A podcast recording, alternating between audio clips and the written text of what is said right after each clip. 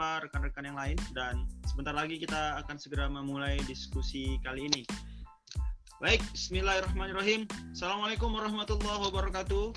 Selamat malam dan salam sejahtera untuk kita semua. Semoga kita semua senantiasa dalam kondisi sehat walafiat dan dilancarkan rezeki dan urusan kita hingga semuanya bisa menjadi hal yang kita inginkan seperti itu. Pertama tentu kita berikan puji dan syukur kepada Allah Subhanahu wa taala malam hari ini kita semua bisa kembali berjumpa dalam agenda diskusi online Kesatuan Aksi Keluarga Alumni Kesatuan Aksi Museum Muslim Indonesia KA kami Kalimantan Timur yang kali ini kita akan membahas atau mendiskusikan tema dengan judul menggali kebijakan dan kesigapan pemerintah Provinsi Kalimantan Timur dalam menangani COVID-19. Nah, oleh sebab itu kami sekali lagi berterima kasih bagi seluruh peserta diskusi yang hari ini lahir atau hadir di tempat ini dalam kondisi yang penuh rasa penasaran, ingin tahu bagaimana kondisi terbaru dalam perspektif pemerintah kita di Provinsi Kalimantan Timur. Semoga kita uh, bisa nanti mendapatkan informasi yang baik dan juga bermanfaat untuk kita semua dalam menghadapi ujian yang sekarang kita tengah hadapi bersama. Untuk itu izinkan saya untuk menyapa pemateri kita malam hari ini. Mohon izin uh, saudara host untuk bisa di unmute pemateri kita dan bisa dipin videonya untuk bisa disaksikan oleh kawan-kawan kita yang lain. Selamat malam, assalamualaikum Pak Andi. Waalaikumsalam warahmatullahi wabarakatuh. Selamat malam Pak Teguh. Apa kabar ya. Pak Andi? Alhamdulillah baik. Alhamdulillah baik Pak ya tampaknya ya. sangat padat sekali agenda Bapak ini. Kami Sangat iya. terima kasih Pak Andi sudah berkenan meluangkan waktu untuk hadir bersama-sama kami di diskusi malam hari ini, Pak. Ya, mohon maaf juga agak terlambat karena juga perlu tiba di rumah ini. Ya. Iya, nggak apa-apa. Pak. Tapi kondisi sehat, Pak ya? Ya, insya Allah. Sama. Mudah-mudahan kita semua sehat, sehat. sehat. Ya. Bisa kita mulai diskusinya, Pak, malam hari ini, Pak? Ya, silakan. Oke baik, terima kasih Pak Andi Muhammad Ishak selaku juru bicara Satgas Percepatan Penanganan COVID-19 di Kaltim yang beliau juga merupakan PLT dari Kepala Dinas Kesehatan Kalimantan Timur. Ya baik teman-teman, sebentar lagi kita akan mulai diskusi malam hari ini. Jadi malam ini kita akan memulai dengan diskusi hangat talk show ya. Jadi sepatnya bukan seperti seminar karena kita lagi temanya diskusi. Jadi malam hari ini saya akan memandu uh, perjalanan talk show kita malam hari ini bersama Pak Andi Muhammad Ishak untuk membahas tentang kesiapan dan kesigapan Pemprov Kaltim dalam menangani COVID-19 di Kaltim ini. Nanti di sesi setelah sesi pertama ini kita akan ada sesi diskusi termin yang akan uh, dibagikan kurang lebih ada sekitar 2 sampai 3 termin tergantung situasi dan kondisi nanti di akhir. Maka teman-teman dipersiapkan dipersilahkan untuk mempersiapkan pertanyaan dan juga barangkali ada pernyataan dan mohon nanti bisa disampaikan dengan kondisi yang uh, singkat, padat, dan jelas. Untuk itu pagi atau malam hari ini saya izin untuk menyapa Pak Andi Muhammad Ishak terlebih dahulu untuk berdiskusi. Baik Pak Andi Muhammad Ishak, barangkali ada informasi terbaru yang mungkin bisa Bapak sampaikan di awal ini terkait perkembangan penanganan COVID-19 di Kaltim Pak. Silakan Pak Andi.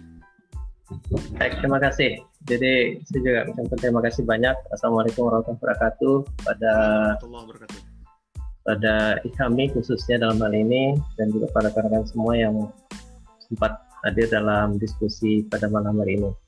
Apresiasi kami sampaikan kepada kami bahwa ini adalah satu, salah satu wujud kepedulian bagi kita semua dalam rangka untuk kita sama-sama bagaimana bisa mengendalikan dan juga bagaimana bisa memutus mata rantai penularan dari uh, eh, COVID-19 ini di Kalimantan Timur. Nah, untuk awal mungkin kami menyampaikan dulu beberapa hal terkait dengan perkembangan terakhir dari COVID-19 di Provinsi Kalimantan Timur, yaitu uh, orang dalam pemantauan ya hingga hari ini ada berjumlah uh, total hingga hari ini ada 5.987 uh, yang sudah selesai ada 4.306 dan yang masih dalam proses pemantauan itu ada 1.261 Kemudian pasien dalam pengawasan ya itu ada hari, ini ada total 329 orang yang negatif ada 164 yang positif yang terkonfirmasi ada 44 ya tersebar di 8 8 kabupaten kota dan yang masih dalam proses menunggu hasil lab ada 120.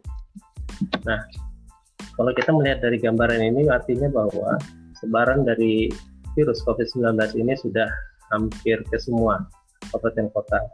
Jadi tinggal Pasir dan uh, Makam Ulu yang belum. Nah, karena itu uh, kami uh, dalam kesempatan ini menyampaikan kepada kita semua bahwa virus ini sangat mudah menyebar, sangat mudah menyebar.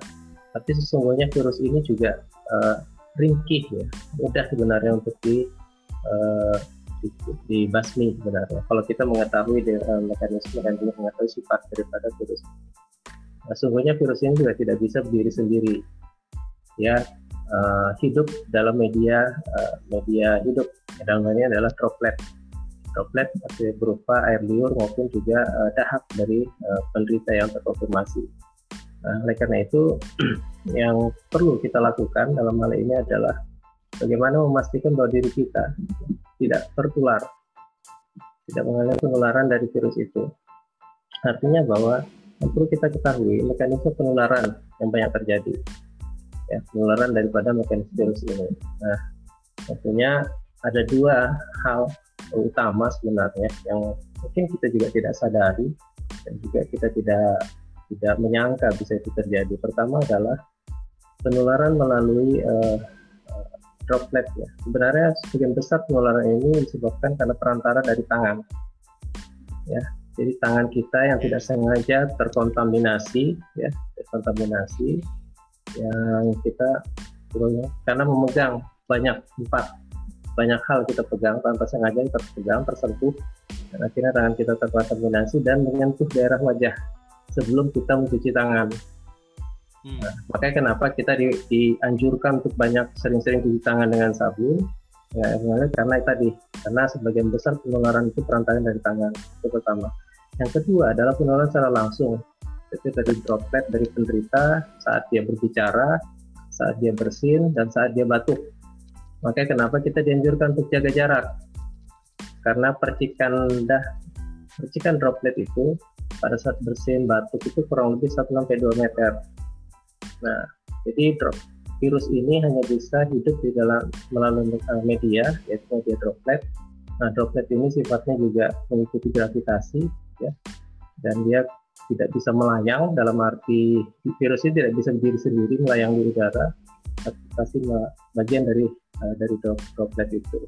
Oleh karena itu kenapa kita diminta untuk jaga jarak tadi karena lontaran dari droplet itu kalau orang berbicara atau batuk atau bersin kurang lebih satu setengah sampai maksimum uh, dua meter. Jadi kita menjaga jarak dua meter ini juga artinya kita menghindarkan Baik. kita tertular secara langsung seperti itu.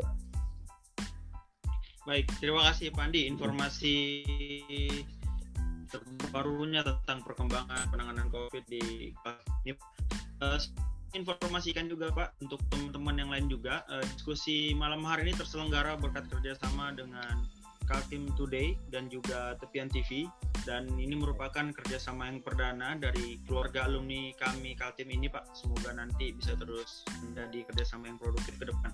Baik Pak Andi sebelum kita lanjut diskusi ini sebentar hmm. ada ada sambutan atau mungkin pengantar mungkin ya dari ketua atau presidium keluarga alumni kami Pak. Jadi ini merupakan organisasi himpunan dari alumni Kesatuan Aksi Muslim Muslim Indonesia Pak. Barangkali ya. langsung ya. Bang Adam kami beri kesempatan Bang Adam untuk menyampaikan sepatah dua patah kata sebelum kita lanjutkan kembali. Silakan Bang Adam. Ya. Assalamualaikum warahmatullahi wabarakatuh. Waalaikumsalam.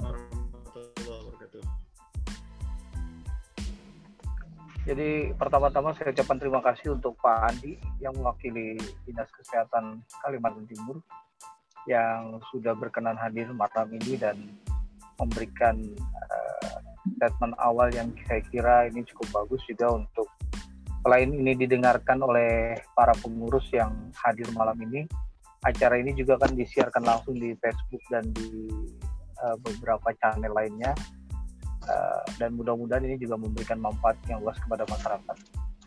Pertama juga saya tidak lupa mengucapkan terima kasih pada Dinas Kesehatan dan tenaga-tenaga kesehatan baik yang di tingkat uh, rumah sakit umum daerah maupun uh, pelayanan-pelayanan lagi yang dilakukan oleh relawan dan tenaga-tenaga kesehatan lain yang selama ini berjibaku uh, mencari sumber-sumber yang memungkinkan terjadinya penyebaran seperti misalnya uh, masyarakat yang baru datang dan lain-lain. Selain juga menangani dengan uh, semaksimal mungkin pasien-pasien yang selama ini uh, sudah positif dinyatakan terinfeksi maupun keluarga atau lingkungan-lingkungan terdekat yang selama ini juga masih dalam tanda kutip kita harus memperhatikan lebih seksama dan lain-lain selain permasalahan kesehatan juga permasalahan-permasalahan yang lain. Malam ini kita berdiskusi dengan dinas kesehatan yang saya kira topeksinya lebih fokus pada uh, selain penanganan pasien juga pencegahan. Dan uh, malam ini mudah-mudahan kita bisa memberikan uh, manfaat yang lebih luas baik bagi dinas kesehatan, masyarakat umum dan yang lainnya terutama untuk pencegahan-pencegahan COVID yang mungkin selama ini uh, ide-ide itu belum ada dan mudah-mudahan kita bisa munculkan malam ini di uh, diskusi keluarga alumni Kesatuan Aksi Mahasiswa Indonesia. Saya selaku pribadi hanya ada beberapa hal yang saya kira juga diskusi-diskusi sebelumnya dan itu mungkin juga sudah dipikirkan oleh dinas kesehatan. Pertama, yang uh, paling penting dan paling menonjol saat ini adalah kita masih ternyata masih kurang dalam uh, menyiapkan laboratorium untuk uh, memberikan data secepat mungkin terhadap pasien yang kemungkinan terkena atau tidak. Nah ini yang harus menjadi pemikiran ke depan untuk kita karena uh, pandemi di Kalimantan Timur ini kan juga banyak bukan hanya uh, kasus corona saat ini yang lain-lain misalnya demam berdarah yang juga masih menjadi kasus yang cukup memprihatinkan di Kalimantan Timur. Uh, saya kira adanya laboratorium-laboratorium yang mampu memeriksa dan uh, cepat dalam mengambil kesimpulan terhadap kondisi pasien ini paling penting dilaksanakan baik itu kita perlu ciptakan dalam waktu yang ada secepatnya seperti sekarang ataupun nanti dalam uh, nota anggaran yang akan disampaikan dinas kesehatan ke APBD provinsi. Itu yang paling penting. Yang kedua juga yang paling penting adalah uh, pencegahan. Uh, ini juga yang beberapa kali kita sampaikan banyak sekali informasi yang simpang siur yang uh, sumber utamanya belum didapatkan oleh masyarakat secara jelas. Nah ini dua hal yang saya kira uh, perlu dapat perhatian serius untuk saat ini karena pencegahan terhadap suatu pandemi itu lebih penting. Uh, kedua juga untuk mengetahui lebih cepat itu juga lebih penting. Ini aja mungkin dari dari saya sambutan saya untuk kali ini dan nanti mungkin dibantu oleh teman-teman yang lain untuk lebih jelas apa apa saja yang kira-kira uh, akan kita sampaikan ke dinas sebagai warga masyarakat sekaligus juga kita memberikan manfaat yang lebih luas. Ya itu aja mungkin Mas Teguh, terima kasih. Siap. Terima kasih Bang Adam atas sambutannya. Halo. Uh, kita kembali ya. dengan narasumber. Terima kasih Bang Adam sekali lagi. Hati-hati di jalan Bang Adam. Ya, uh, malam hari ini teman-teman, kita juga tadi sudah diinformasikan oleh Bang Adam secara langsung bahwasanya diskusi malam hari ini disiarkan langsung melalui Facebook dari kami Kaltim yang juga bisa diakses oleh teman-teman selain lewat aplikasi Zoom ini. Baik Pandi, uh, kita kembali untuk berdiskusi Pak. Ini ada beberapa barangkali uh, yang bisa kita diskusikan. Yang pertama saya ingin tanyakan juga, mungkin Pandi masih tersambung? Halo Pandi. Masih. Ya, silakan. Masih.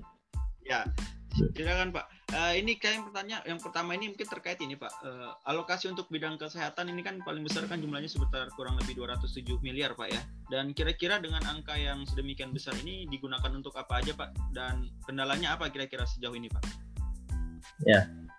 Baik uh, Mas Teguh dan juga rekan-rekan sekalian bahwa memang uh, dalam rangka penanganan uh, COVID ini ya sudah dilakukan beberapa langkah-langkah. Nah, salah satunya adalah bagaimana menyiapkan uh, sumber daya, terutama sumber daya keuangan dalam untuk penanganan. Nah, jadi yang uh, utama yang kami lakukan pertama adalah bagaimana kita menyiapkan uh, alat pelindung diri terutama bagi petugas nakes kami. Ya, dan baik dari rumah sakit maupun sampai jajaran sampai ke puskesmas nah, seperti itu dan juga beberapa bahan habis pakai dan juga beberapa eh, media-media uh, lain yang digunakan dalam rangka untuk uh, baik itu untuk alat transport dari virus itu sendiri ya, yang untuk dikirim ke laboratorium dan juga beberapa uh, alat kelengkapan dari APD dan uh, dan seluruh seluruh uh, fasilitas yang digunakan itu. Nah, itu itu dana itu ada di dinas kesehatan. Memang uh, yang pertama kami di, diberi alokasi dana sebanyak sekitar 33 miliar, ya 17 miliar ada di dinas kesehatan dan selebihnya ada di dua rumah sakit, rumah sakit Kanajaso dan juga rumah sakit Wahab Sarani. Nah untuk di dinas kesehatan kami sudah sudah melakukan proses pengadaan sebagian kecil baru baru baru dapat kami lakukan. Uh, kemudian untuk rumah sakit itu dalam rangka untuk penyiapan ruang isolasi terutama. Jadi penyiapan beberapa peralatan kaitannya dengan uh, ruang isolasi, baik itu isolasi yang bertekanan negatif maupun juga isolasi biasa.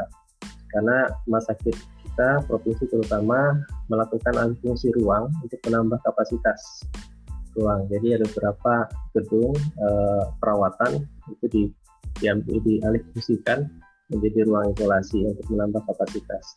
Nah, dan itu diperlukan beberapa peralatan, baik itu peralatan HEPA filter untuk tekanan negatifnya dan juga uh, beberapa, peralatan untuk ventilator. Nah, nah Kondisi ini juga dilakukan beberapa rumah sakit rujukan yang ada di kabupaten kota dengan anggarannya eh, masing-masing. Nah, yang perlu dipahami bahwa kebutuhan memang terlihat besar 207 itu. Tapi bagi kami itu dikatakan cukup atau tidak kita belum bisa memperkirakan dengan dengan jelas karena apa? Karena kita juga belum melihat, belum mengetahui persis sampai seberapa lama uh, kasus ini akan berjalan kalau kita perkirakan memang antara bulan Mei Juni ini adalah puncak puncak dari uh, kasus ini. Nah, sehingga memang perlu waktu lagi untuk bagaimana penyelesaian sehingga nah, dana kita rata-rata per hari kalau kita menghitung kebutuhan dari total untuk kebutuhan sehari-hari ya, itu sekitar 20 mil 20 miliar sebenarnya untuk sebulan. Nah, sehingga 200 ini kami juga mudah-mudahan cukup sampai bulan bulan Oktober ya jadi seperti itu sih kalau anggaran-anggaran kesehatan dalam ini. Belum lagi untuk kebutuhan-kebutuhan ruang karantina, kemudian juga kebutuhan penambahan rumah sakit darurat ataupun juga beberapa kaitannya nanti apabila terjadi outbreak ini juga masih angka itu juga kemungkinan masih terus uh, bertambah. Itu Mas Baik, baik Pak. Uh, berbicara tadi Pak, ini sedikit tadi kita singgung tentang masalah uh, fasilitas dan lain-lain Pak ya. Nah, berbicara tentang ini Pak, uh, bagaimana persoalan tentang ketersediaan dan kemampuan sarana prasarana kesehatan kita Pak, seperti fasilitas laboratorium serta teknisi yang mungkin nanti bisa ditugaskan untuk menganalisa sampel. Juga termasuk rumah sakit rujukan, kemudian rumah sakit khusus isolasi, ya, isolasi puskesmas, kemudian klinik dan kapasitas tenaga kesehatan kita gimana Pak untuk menghadapi COVID-19 di Kaltim ini Pak? Silakan Pak Andi. Terkait dengan kesiapan kami dalam rangka untuk pelayanan dan kesehatan, memang di antaranya kami adalah bagaimana menyiapkan eh, tenaga kesehatan itu sendiri, ya, ditetapkan di masing-masing rumah sakit khususnya dalam hal ini, dan juga bagaimana kita menyiapkan sarana prasarana yang terkait untuk uh, pelayanan COVID ini. Nah, perlu diketahui bahwa kita saat ini memang telah menyiapkan 12 rumah sakit rujukan yang semula hanya lima yang semula hanya lima untuk kementerian kesehatan kemudian kami menambah eh, tujuh uh, pada di semua kabupaten kota melalui SK Gubernur untuk penetapan rumah sakit rujukan itu. Nah, hmm. dari dari kedua belas rumah sakit rujukan ini, ya uh, saat ini kapasitas tempat tidur untuk ruang isolasi itu ada sebanyak 174 tempat tidur artinya mampu menampung bersamaan sebanyak 174 di yang tersebar di semua uh, di 12 rumah sakit ini. Uh, kemudian sudah ada rencana pengembangan ya dari masing-masing rumah sakit maksimum bisa dikembangkan sampai 391 tempat tidur. Artinya dalam keadaan itu kita masih bisa merawat sampai sebanyak 351 bersamaan dalam hal ini. Nah, Kemudian terkait dengan uh, di samping itu kami juga menyiapkan uh, ruang ataupun tempat-tempat karantina ataupun juga menjadi rumah sakit bisa dikembangkan menjadi rumah sakit darurat oleh masing-masing kabupaten kota. Nah di Samarinda ada sejumlah uh, sebanyak 370 tempat tidur yang bisa kita siapkan. itu ada di Balai Pelatihan Kesehatan, ya, ada di Badan Diklat di seberang, dan juga di Balai Pelatihan Pertanian. Kemudian di Balikpapan kita juga sudah menyiapkan beberapa tempat untuk uh, karantina dan juga jadi rumah sakit uh, darurat apabila kapasitas rumah sakit yang ada itu tidak tidak mencukupi. Itu kita memanfaatkan ada guest house uh, Silva Lestari ya, ada 20 tempat tidur, kemudian juga ada Astria Hotel, 30 tempat tidur dan juga asrama haji yang sudah juga bisa dimanfaatkan untuk itu. Dan itu dan selanjutnya ada di semua kabupaten kota ada dan semua berjumlah 1.578 tempat tidur di semua kabupaten kota tersebar. Nah artinya kami sudah mencoba menyiapkan mengantisipasi uh, uh, apabila terjadi uh, apa namanya peningkatan jumlah kasus dengan menyiapkan ini. Nah tentunya ini juga diiringi dengan kesiapan daripada tenaga kesehatannya. Ya. Nah un untuk saat ini memang tenaga kesehatan yang ada dengan jumlah kasus yang ada itu masih masih bisa masih bisa uh, ditangani oleh yang ada. Untuk diketahui bahwa uh, dari masing-masing rumah sakit memang menyiapkan tenaga kesehatan, terutama dokter spesialis. Ya. Yang utama adalah spesialis paru dan juga spesialis penyakit dalam. Untuk spesialis paru di masing-masing rumah sakit uh, tersedia minimal ada satu orang. Jadi jumlahnya semua ada 16. Nah, penyakit dalam juga masing-masing ada dan jumlahnya ada uh, eh, 18 orang. Nah, ini uh, dan ini ini sudah di apa namanya sudah ditetapkan oleh dokter masing-masing. Nah, untuk spesialis lain itu itu tergantung dari kondisi pasien yang, yang ada. Jadi Baik. pasien ini kan ada penyakit ada penyakit penyertanya. Nah, nanti disesuaikan dengan uh, penyakit itu uh, tinggal menambahkan spesialis mana yang diperlukan untuk itu. Nah, untuk saat ini semua berjumlah hampir 900 total dari dari 12 uh, eh, rumah sakit ini ada 900-an tenaga yang terdiri dari dokter spesialis sampai perawat, farmasi, gizi, radiografi, analis, dan juga semua uh, komponen yang memang dibutuhkan uh, untuk pelayanan ini seperti itu. Baik, baik uh, Pak Andi, ini informasi yang sangat berharga bagi teman-teman peserta diskusi dan juga bagi publik sekiranya untuk mengetahui begitu ya kesiapan kita untuk menghadapi COVID-19 ini. Sebelumnya saya ingin menyapa bagi seluruh peserta diskusi, Pak Andi, ini informasi kita sudah ada peserta sekitar 44 orang Pak.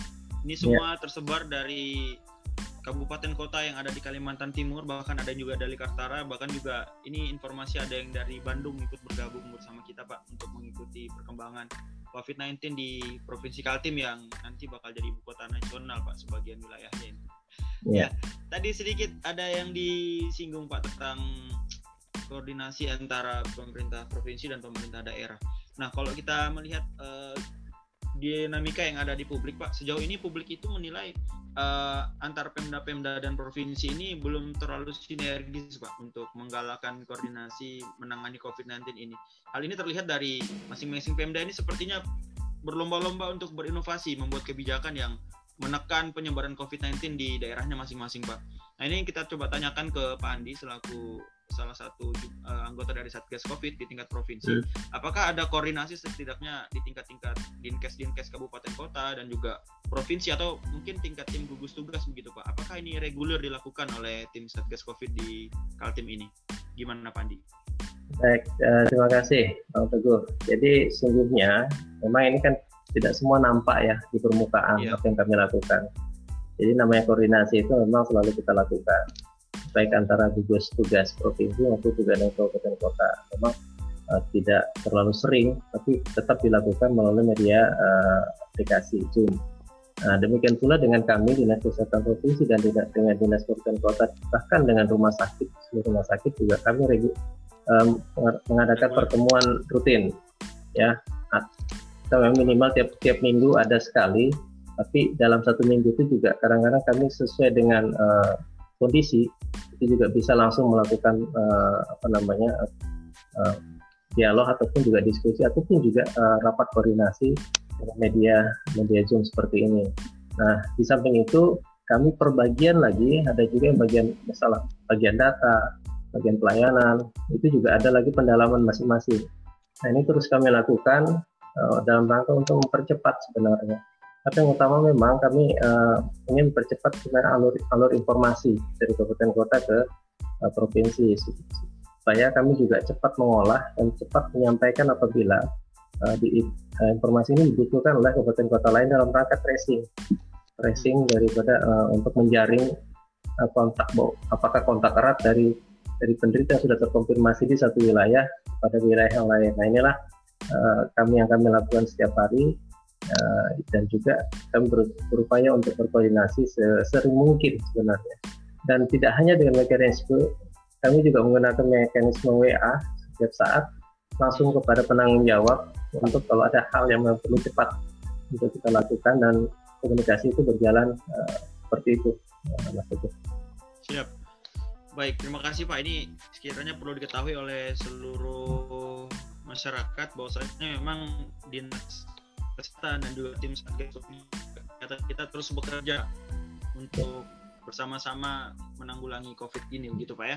Nah ya. ini Pak juga ada hal yang menarik Pak. Kalau kita melihat tren yang terjadi secara nasional Pak, sejauh ini di beberapa daerah sudah melakukan lockdown dalam tanda petik, jadi sudah ada PSBB dan isolasi. Namun ternyata peningkatan jumlah positif ini tetap bertambah Pak. Ini bagaimana ya. pandangan Bapak? Kemudian apakah dari kita Pak di Kaltim ada rencana untuk mengajukan PSBB? Jika tidak, mungkin ada pertimbangan Pak, kenapa kita belum mengajukan PSBB? Silakan Pak Andi. Baik, jadi yang perlu dipahami bahwa virus ini ya menyebarnya lewat manusia. Ya. Jadi virus yang ada di dalam manusia, dalam tubuh manusia, jalan nanti berkembang biak. Nah, virus tidak akan bisa berkembang biak di luar tubuh manusia. Itu perlu dipahami. Nah, jadi setelah masuk, nah artinya apa? Virus ini akan menularkan selama manusia itu juga berpindah atau ber ber apa namanya melakukan perjalanan ataupun juga melakukan kontak dengan yang lain. Nah, virus ini memang masa masa inkubasinya kurang lebih 14 hari. Apabila dia tidak menemukan tempat baru, maka virus ini juga akan mati seiring dengan semakin meningkatkan daya tahan tubuh dari orang itu sendiri. Jadi ibarat ini juga seperti kita penderita flu, influenza, yang akhirnya nanti juga akan uh, akan sembuh sendiri seiring dengan daya tahan tubuh. Tapi memang, tapi jangan dianggap bahwa ini nanti akan sembuh sendiri, karena virus ini juga dapat menyebabkan kematian, karena dia juga akan merusak uh, paru-paru, jadi menyebabkan pneumonia. Nah ini perlu juga diwaspadai, uh, terutama untuk pada yang, berus yang berusia sudah lanjut dan juga yang punya penyakit penyerta. Nah bagi bagi bagi Mas Teguh dengan rekan-rekan sekalian masih muda ini relatif karena daya tahan tubuhnya juga relatif masih uh, apa namanya masih bisa ditingkatkan optimal sehingga uh, kalaupun terkena itu ya itu mungkin tidak memberikan dampak atau tidak memberikan reaksi atau tidak memberikan gejala. Nah inilah fenomena yang sekarang muncul dikatakan orang tanpa gejala itu ya ya seperti ini kita sebenarnya sudah terpapar ada virus dalam tubuh kita tapi karena daya tahan tubuh kita relatif baik kuat sehingga gejalanya itu hampir tidak terlihat atau hampir tidak muncul. Nah, seperti itu. Nah, kemudian hmm. uh, selanjutnya apa tadi ya? Tadi berkaitan dengan ini Pak, uh, pertimbangan dari Oh ya, PSBB, PSBB. Baik. Nah, uh, untuk kita ketahui bahwa untuk pengajuan PSBB memang ada beberapa syarat ya. Syaratnya dan itu kan diajukan juga melalui Menteri Kementerian Kesehatan nanti mereka evaluasi dan verifikasi. Uh, nah salah satu uh, beberapa syarat di, dikaitkan dengan seberapa besar sudah penyebaran dari uh, kasus ini. Kemudian seberapa padat juga uh, apa namanya sebarannya dan seberapa luas nah kemudian yang utama adalah apakah sudah terjadi transmisi lokal di daerah itu. Nah untuk kita ketahui kalau di Kalimantan Timur ini yang sudah kita identifikasi dan juga sudah diklarifikasi oleh pusat itu yang sudah terjadi transmisi lokal adalah Balikpapan. Karena ada beberapa kasus yang sudah terjadi dia tidak tidak ada riwayat perjalanan dari mana-mana. Nah, kemudian kemungkinan dia kontak dengan salah satu yang sudah penderita yang ada terkonfirmasi nah itu itu dikatakan transmisi lokal nah semakin banyak kasus transmisi lokal terjadi dan kemampuan kita juga untuk men-tracing misalnya terbatas, maka akan semakin kita tidak mengetahui siapa sekarang yang sudah uh, apa namanya terpapar dengan siapa yang uh, sudah menderita. Apalagi diiringi dengan gejala orang tanpa gejala, ya ini semakin tidak tahu kita. Oleh karena itu uh, semakin besar tingkat paparannya ini, maka juga itu menjadi salah satu analisa untuk uh, apa namanya menentukan bahwa apakah daerah itu sudah sudah layak untuk diberlakukan PSBB uh, atau belum. Nah, sebenarnya kalau lihat dari kondisi yang ada itu Balikpapan itu yang paling memungkinkan untuk diajukan. Tapi memang sampai sekarang kami belum menerima usulan dari uh, Balikpapan untuk di pengajuan PSBB seperti itu. Luar biasa ini Pak kita dapatkan beberapa pemahaman begitu ya terkait PSBB. Semoga teman-teman juga nanti mendapatkan hal-hal yang sama. Ya terus gini Pak, kalau kita melihat uh, tren yang juga terjadi di wilayah lain Pak. Kita berbicara sekarang mungkin di berbagai negara lain gitu ya. Hmm. Jadi salah satu keberhasilan negara-negara lain itu menangani COVID ini mungkin selain disiplin melakukan isolasi, social distancing, karantina, juga ada hmm. upaya-upaya pencegahan Pak dengan testing dan juga pelacakan yang masif begitu baik kepada ODP, kemudian PDP hmm. dengan tujuan untuk memetakan dan menekan case fatality rate-nya Pak atau tingkat yeah. kematiannya. Hmm. Lalu bagaimana dengan Kaltim sendiri Pak? Berapa total kira-kira kemampuan kita untuk melakukan testing dan tracking? Lalu berapa kira-kira seberapa cepat kita bisa memetakan serta memastikan hasil pengetesan itu? Kan kita dapat kabar terbaru di Samarinda gitu Pak yang mendapatkan atau Balikpapan yang ingin mendatangkan PCR kemarin Pak. Nah ini mungkin yeah. bisa dikabarkan Pak kondisinya seperti apa? Silakan. Baik, memang uh, salah satu upaya yang dilakukan adalah uh, pertama adalah kemampuan tracing ya untuk pencegahan dulu kemampuan tracing untuk menemukan dan menjaring sebanyak-banyaknya uh, apa namanya yang terduga kaitannya dengan apakah dia orang dalam pemantauan ataupun juga apalagi pasien dalam pengawasan. Nah, kemudian yang kedua adalah bagaimana kita uh, mengendalikan penyakit ini dengan upaya-upaya ya yang sebenarnya kekuatannya ada di masyarakat itu sendiri.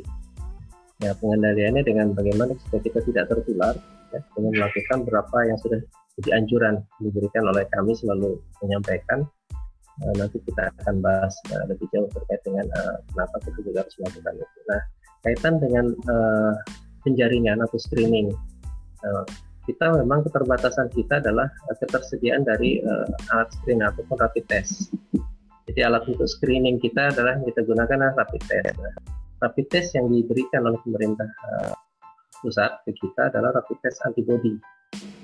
Artinya pengujian antibody dari seorang uh, yang yang akan mendeteksi ya. Jadi antibody ini muncul bereaksi atau reaktif terhadap rapid test karena masuknya virus corona.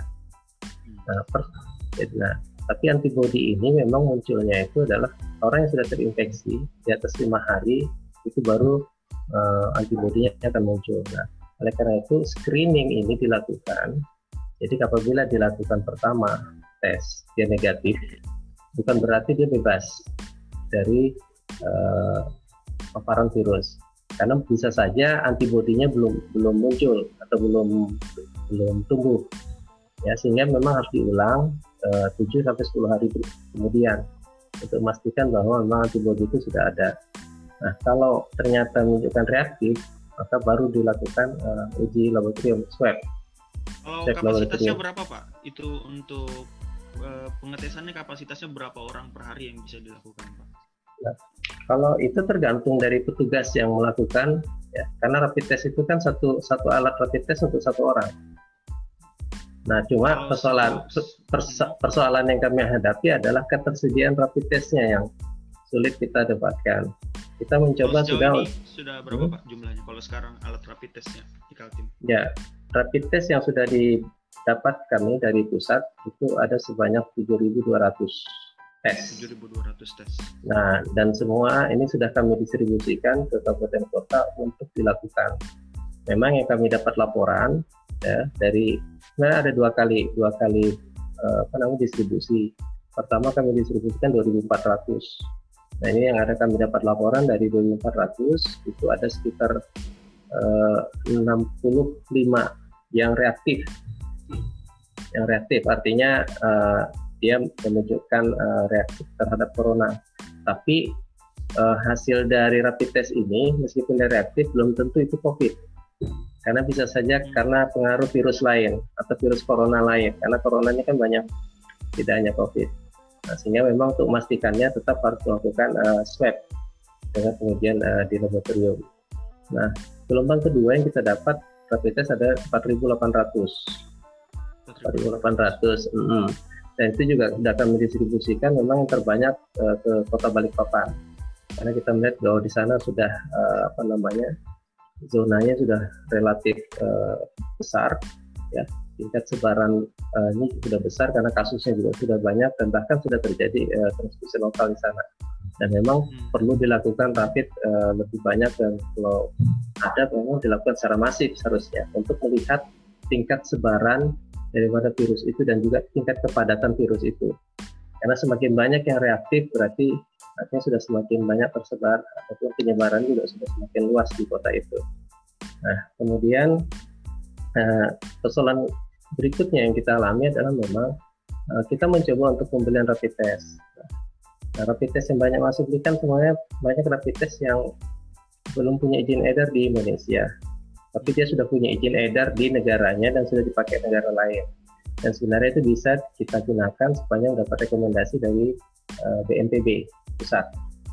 Nah, nah, hanya memang alat ini kan sudah dikatakan bahwa dibutuhkan seluruh dunia nih sekarang. Jadi untuk mendapatkannya kita ini juga uh, untungnya kami eh, Indonesia itu dibantu oleh Yayasan Budis sebenarnya. Jadi Yayasan Budis ini yang nasional, nah, mereka lah sebenarnya yang membeli apa namanya membeli langsung di Retina rapid test itu dan kontribusi mereka yang diberikan untuk disampaikan melalui Kementerian Kesehatan yang didistribusikan ke seluruh Indonesia. Nah itu bantuan itu yang sebenarnya sangat membantu kita untuk uh, rapid test sekarang. Nah, untuk kami, untuk ini Pak pengadaan rapid test tadi ini apakah alokasi dana akan dilakukan ke depan Pak untuk pembelian rapid test? Sudah, sudah. sudah Jadi ini bersama ini, ya? hmm. ini bersamaan uh, pengalasan anggaran yang di tahap pertama kami kami ada sekitar 17 miliar yang ada di dinas kesehatan termasuk pembelian APD, pembelian lain-lainnya terkait dengan sama ini juga dengan uh, rapid test. Dan terus kami akan lakukan ini dan pembelian ini uh, sampai proses ini akan terus selama masih ada kasus kami akan terus melakukan pembelian. Hanya memang persoalan kami adalah tingkat ketersediaan di distributor hmm. Yang kita jadi hampir semua APD juga seperti itu. APD kita mata Google uh, bahkan semua kelengkapan termasuk uh, virus transport media kemudian juga uh, beberapa uh, peralatan uh, alat lain yang memang uh, kesulitan kami ketersediaannya ini yang menjadi karena ini kan menjadi rebutan secara nasional bahkan dunia. Jadi kita Berarti ini memang kata kuncinya ini pak anggarannya ada tapi barangnya yang susah dicari begitu pak ya iya seperti itu bahkan uh, anggaran ini juga kondisi hmm? kondisinya hmm. seperti ini Pak. Kira-kira kalau dari pemerintah provinsi antisipasinya seperti apa Pak? Karena ini kan virus terus berjalan ini Pak. Ya, kami hmm, kami tetap uh, melakukan uh, upaya bekerjasama dengan distributor. Distributor juga mengupayakan uh, pada distributor di di pusat di nasional. Di samping itu kami juga tetap uh, mengajukan koordinasi dengan pusat. Karena memang pusat dalam hal ini juga banyak sudah membantu bahkan uh, eh, APD yang ada sekarang itu juga sebagian besar bantuan dari Lembaga Pusat yang sudah menjadi tanggung jawab mereka. Karena uh, mereka akan lebih mudah untuk mengadakannya. Dan memang anggaran anggaran kami juga akhirnya sekarang diefisiensi dipotong juga secara nasional baik APBN maupun APBD itu juga semua digunakan oleh pusat untuk untuk membantu juga daerah dalam hal ini. Baik. Lalu kan siang kemarin Pak yang kita dapat informasi juga terkait pengadaan PCR itu. Oh iya. Itu baik. Gimana Pak? Baik. Jadi begini, PCR itu sebenarnya yang bagaimana juga sudah kami sampaikan. Jadi sebenarnya ada PCR viral HIV yang selama ini memang sudah ada di Rumah Sakit Wapsarani. Nah inilah uh, yang akan di uh, set up ataupun diinstal ulang oleh Kementerian Kesehatan ya. Uh, untuk bisa digunakan uh, untuk memeriksa COVID. Nah, persoalannya yang berkembang kedua adalah ketersediaan reagen untuk pemeriksaan COVID ini yang sangat terbatas. Sehingga memang akhirnya penggunaan PCR yang ada di AWS ini kita kena di tahap kedua. Nah, tahap pertama ini sudah sudah berjalan di beberapa provinsi, ya, terutama untuk eh, provinsi-provinsi uh, yang tingkat kasusnya sudah sangat tinggi. Nah, kita dianggap masih masih relatif uh, apa namanya masih relatif uh, rendah sehingga kena di tahap kedua yang kemungkinan Mei baru uh, bisa running operasional. Tapi di samping PCR sebenarnya Kementerian Kesehatan juga sekarang sudah men-set up uh, ada namanya tes cepat molekuler atau TCM. Hmm. TCM ini selama ini ya TCM ini selama ini dipakai untuk uh, penguji uh, tuberkulosis. Nah, jadi ini juga yang akan di set up akhir April ini. Uh, cat tripnya baru tiba ya yang dari Swiss. Uh, cat trip karena yang dari Amerika kabarnya kemarin tidak Amerika tidak bisa mengeluarkan cat trip itu karena mau digunakan sendiri oleh mereka. Jadi kita menunggu yang dari Eropa dan kabarnya sudah uh, rencananya akhir April baru tiba dan setelah itu akan diinstal uh, TCM-nya ini akan diinstal secara online ya nanti. Jadi semua menggunakan online mengikutinya untuk diinstal. Nah setelah itu baru cartridge-nya akan dikirim. Janjinya sih kalau tidak salah tanggal 27 April. Tuh, kalau tidak meleset lagi nih Kementerian Kesehatan. 7 April itu sudah bisa running di uh, tujuh tahap pertama di tujuh rumah sakit eh di tujuh tempat ya di enam kabupaten kota. Baik. Baik, wah ini informasi yang berharga ini Pak e, bagi teman-teman. Ini informasi yang cukup menarik karena ya. kondisinya hari ini memang secara anggaran kita sudah cukup ada barangkali begitu Pak ya. Tinggal bagaimana kita sekarang e, sedang menantikan e, untuk bisa menghadirkan hmm yeah. uh, agenda-agenda atau alat-alat tes yang lain seperti itu tadi ada sudah kita dengarkan ada PCR hmm. kemudian yang terbaru tadi ada PCM yang kita berharap PCM. itu bisa lebih PCM yang lebih yeah. efektif dan akurat begitu Pak ya dibandingkan rapid test yeah. yang kita sama-sama juga dapatkan informasi akuratnya hanya sekitar yeah. 30%. Baik Pak, kita sedikit beralih Pak dari hal-hal seputar teks dan segala macamnya. Kita coba melihat uh, ini Pak kalau dari berita yang beredar Pak, ini banyak pihak-pihak yang memprediksi atau memproyeksikan bahwasanya estimasi cash di Indonesia ini akan terus melonjak karena melihat uh, sebagian pihak menilai bahwa ada intervensi dari pemerintah yang memang cenderung lamban, termasuk faktor-faktor non teknis seperti tadi Pak ya, ke, ke keteradaan seperti keadaan tes dan segala macamnya. Nah, kira-kira Pak untuk antisipasi outbreak uh, yang kemungkinan akan kita hadapi ini apa langkah-langkah atau kebijakan yang akan dilakukan oleh Pemprov Kaltim dalam hal ini, Pak? Ya, sebenarnya kan kita mencoba memaksimalkan upaya pencegahan, ya, karena selama kita bisa patuh, ya, patuh dengan anjuran anjuran pemerintah untuk senantiasa menjaga jarak atau physical distancing itu physical distancing ini dimaknai untuk senantiasa berada di rumah sebenarnya ya artinya kita menjauhkan diri kita dari uh, uh, namanya bereaksi atau ber, berinteraksi dengan uh, orang lain. Uh, maka dianjurkanlah untuk tetap hmm. stay stay at home atau di rumah, bekerja dari rumah, belajar dari rumah, bahkan beribadah juga di rumah saja. Artinya dengan itulah cara yang paling aman untuk kita terhindar dari penularan. Nah, selama kita masih melakukan aktivitas di luar, ya, maka potensi tertularnya kita juga akan jadi besar. Nah, oleh karena itu kenapa kita juga konsep keluar eh, kita diminta untuk nah, menjaga jarak saat berkomunikasi atau saat berinteraksi dengan orang lain paling tidak 2 meter tadi supaya kita tidak terjadi penularan langsung. Kemudian kedua dia menggunakan masker masker kain itu cukup. Nah, nah kalaupun nanti terjadi outbreak akhirnya karena karena lebih outbreaknya juga disebabkan karena ketidakpatuhan kita terhadap uh, upaya-upaya untuk pencegahan itu sebenarnya. Selama kita masih patuh untuk uh, menjaga jarak, tidak berkumpul, tidak apa namanya tidak melakukan aktivitas yang banyak orang, maka kemungkinan kalaupun terjadi uh, apa, penularan mungkin tidak tidak sebanyak pada saat kalau kita masih tetap melakukan aktivitas berkumpul. Yang kita jaga ini kan sebenarnya adalah jangan sampai kasus ini atau ini merebak begitu cepat sehingga kapasitas dari pelayanan kesehatan yang kita sediakan ini tidak mencukupi untuk itu. Baik. Uh, itu tadi berbicara himbauan Pak ya dari pemprov yang memang saat ini juga hmm. oleh masyarakat sendiri juga sebagian anak-anak muda juga terus gencar melakukan hal yang serupa. Nah, kami hmm. coba tarik sedikit kasus Pak terkait upaya apa yang kira-kira dilakukan oleh Pemprov dalam hal ini misalnya um, terkait kebijakan dari Pemprov atau Pemda-Pemda mengantisipasi masyarakat yang saat ini mungkin sebagian masih tetap melakukan mudik atau melakukan perjalanan dari dan ke daerah yang mungkin termasuk red zone. Bahkan salah satu pintu penyebarannya itu seperti pelabuhan, kemudian bandara, dan juga eh, tempat-tempat uh, transportasi lainnya yang sekarang kembali dibuka oleh pemerintah pusat. Nah, kira-kira dari pemerintah provinsi tersendiri, Pak, apakah memang ada rekayasa di tingkat lokal untuk memastikan Kaltim ini mengalami flattening the curve gitu, maksudnya lebih lebih stagnan gitu, nggak sampai lonjarnya tidak tinggi banget gitu. Dan juga kira-kira apa yang bisa dilakukan oleh kita di Kaltim? Seperti misalnya apakah ada rekayasa lalu lintas manusia misalnya? Atau mungkin ada rekayasa aktivitas ekonomi? Dan juga mungkin ada rekayasa identifikasi dan penanganan korban. Seperti tadi ada tes kemudian ada data dan isolasi pengobatan dan lain-lain. Ini gimana tanggapannya Pak Andi Pak terkait upaya pemprov untuk menangani dari kebijakan ini. Tentunya ya. selain himbauan-himbauan tadi Pak. Hmm, baik. Jadi begini eh, karena karena pusat juga mengambil keputusan uh, adalah PSBB ya. PSBB ini kan keputusan yang apa ya setengah-setengah.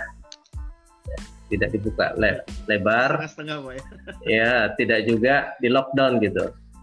Ya, akhirnya ya tetap saja masih masih terjadi mobilisasi orang dibilang terbatas tetap masih banyak juga mobilisasi itu nah, jadi selama masih ada mobilisasi orang perpindahan orang maka penularan juga pasti akan masih terjadi nah sehingga uh, menyikapi seperti itu memang akhirnya kita tinggal bagaimana kita menguatkan diri kita menguatkan daerah kita untuk supaya uh, mengurangi semaksimal mungkin terjadinya uh, kontak ataupun terjadinya penularan.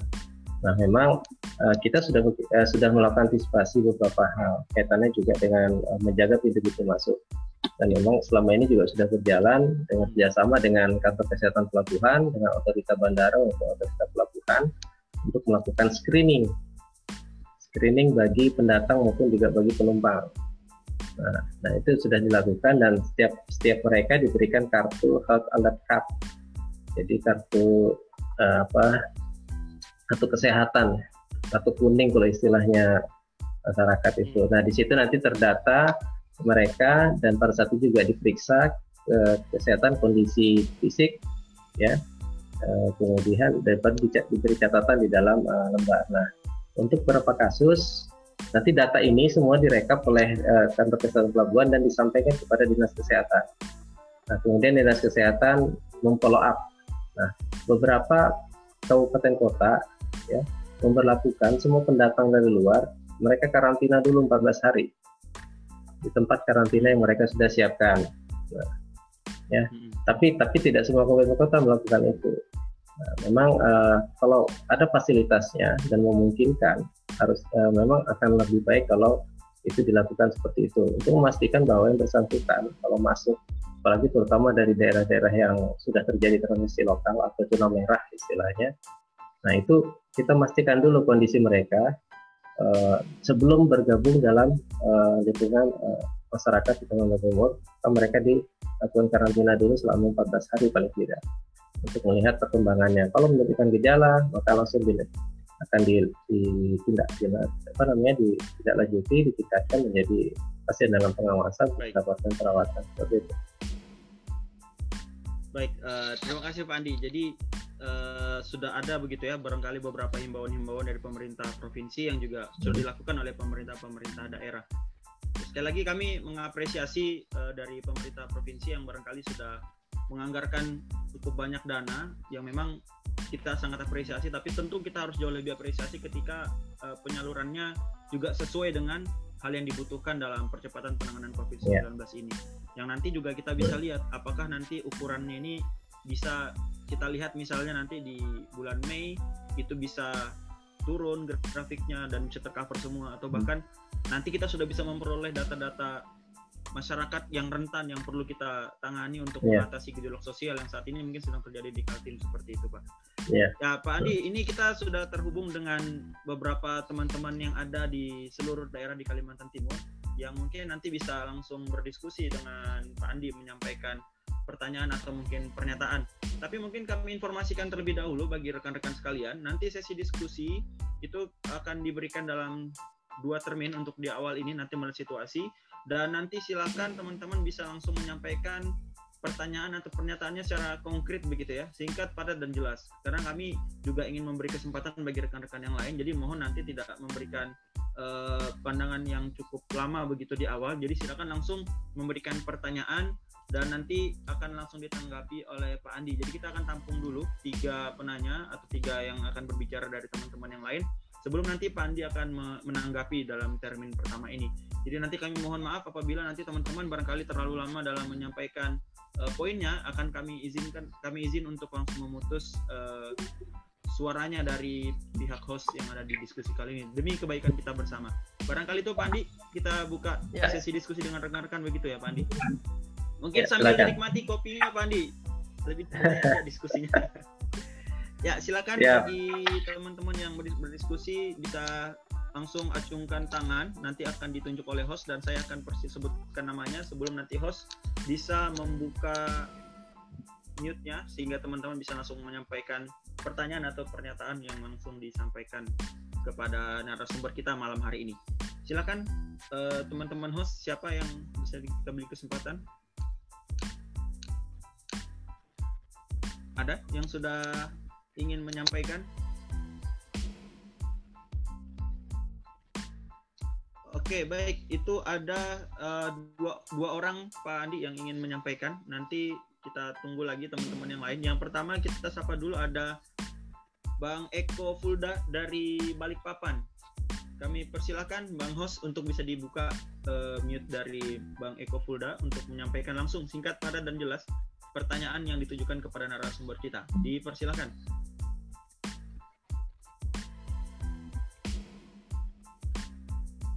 Halo, Bang Eko. As uh, terima kasih atas kesempatan yang diberikan uh, kepada moderator atau host. Uh, Assalamualaikum warahmatullahi wabarakatuh, uh, Pak Andi dan ya, dan teman-teman alumni semua. Uh, baik, uh, perkenalkan Pak uh, Eko Fulda dari Balikpapan. Ya, Balikpapan kota yang paling banyak positif COVID-19, Pak. Ya. Seber yang pertama kami ingin sampaikan Pak uh, apresiasi terhadap uh, pemerintah provinsi dan pemerintah Kota Balikpapan sendiri yang sudah berupaya untuk uh, mengatasi dan mencegah penyebaran uh, COVID-19 ini.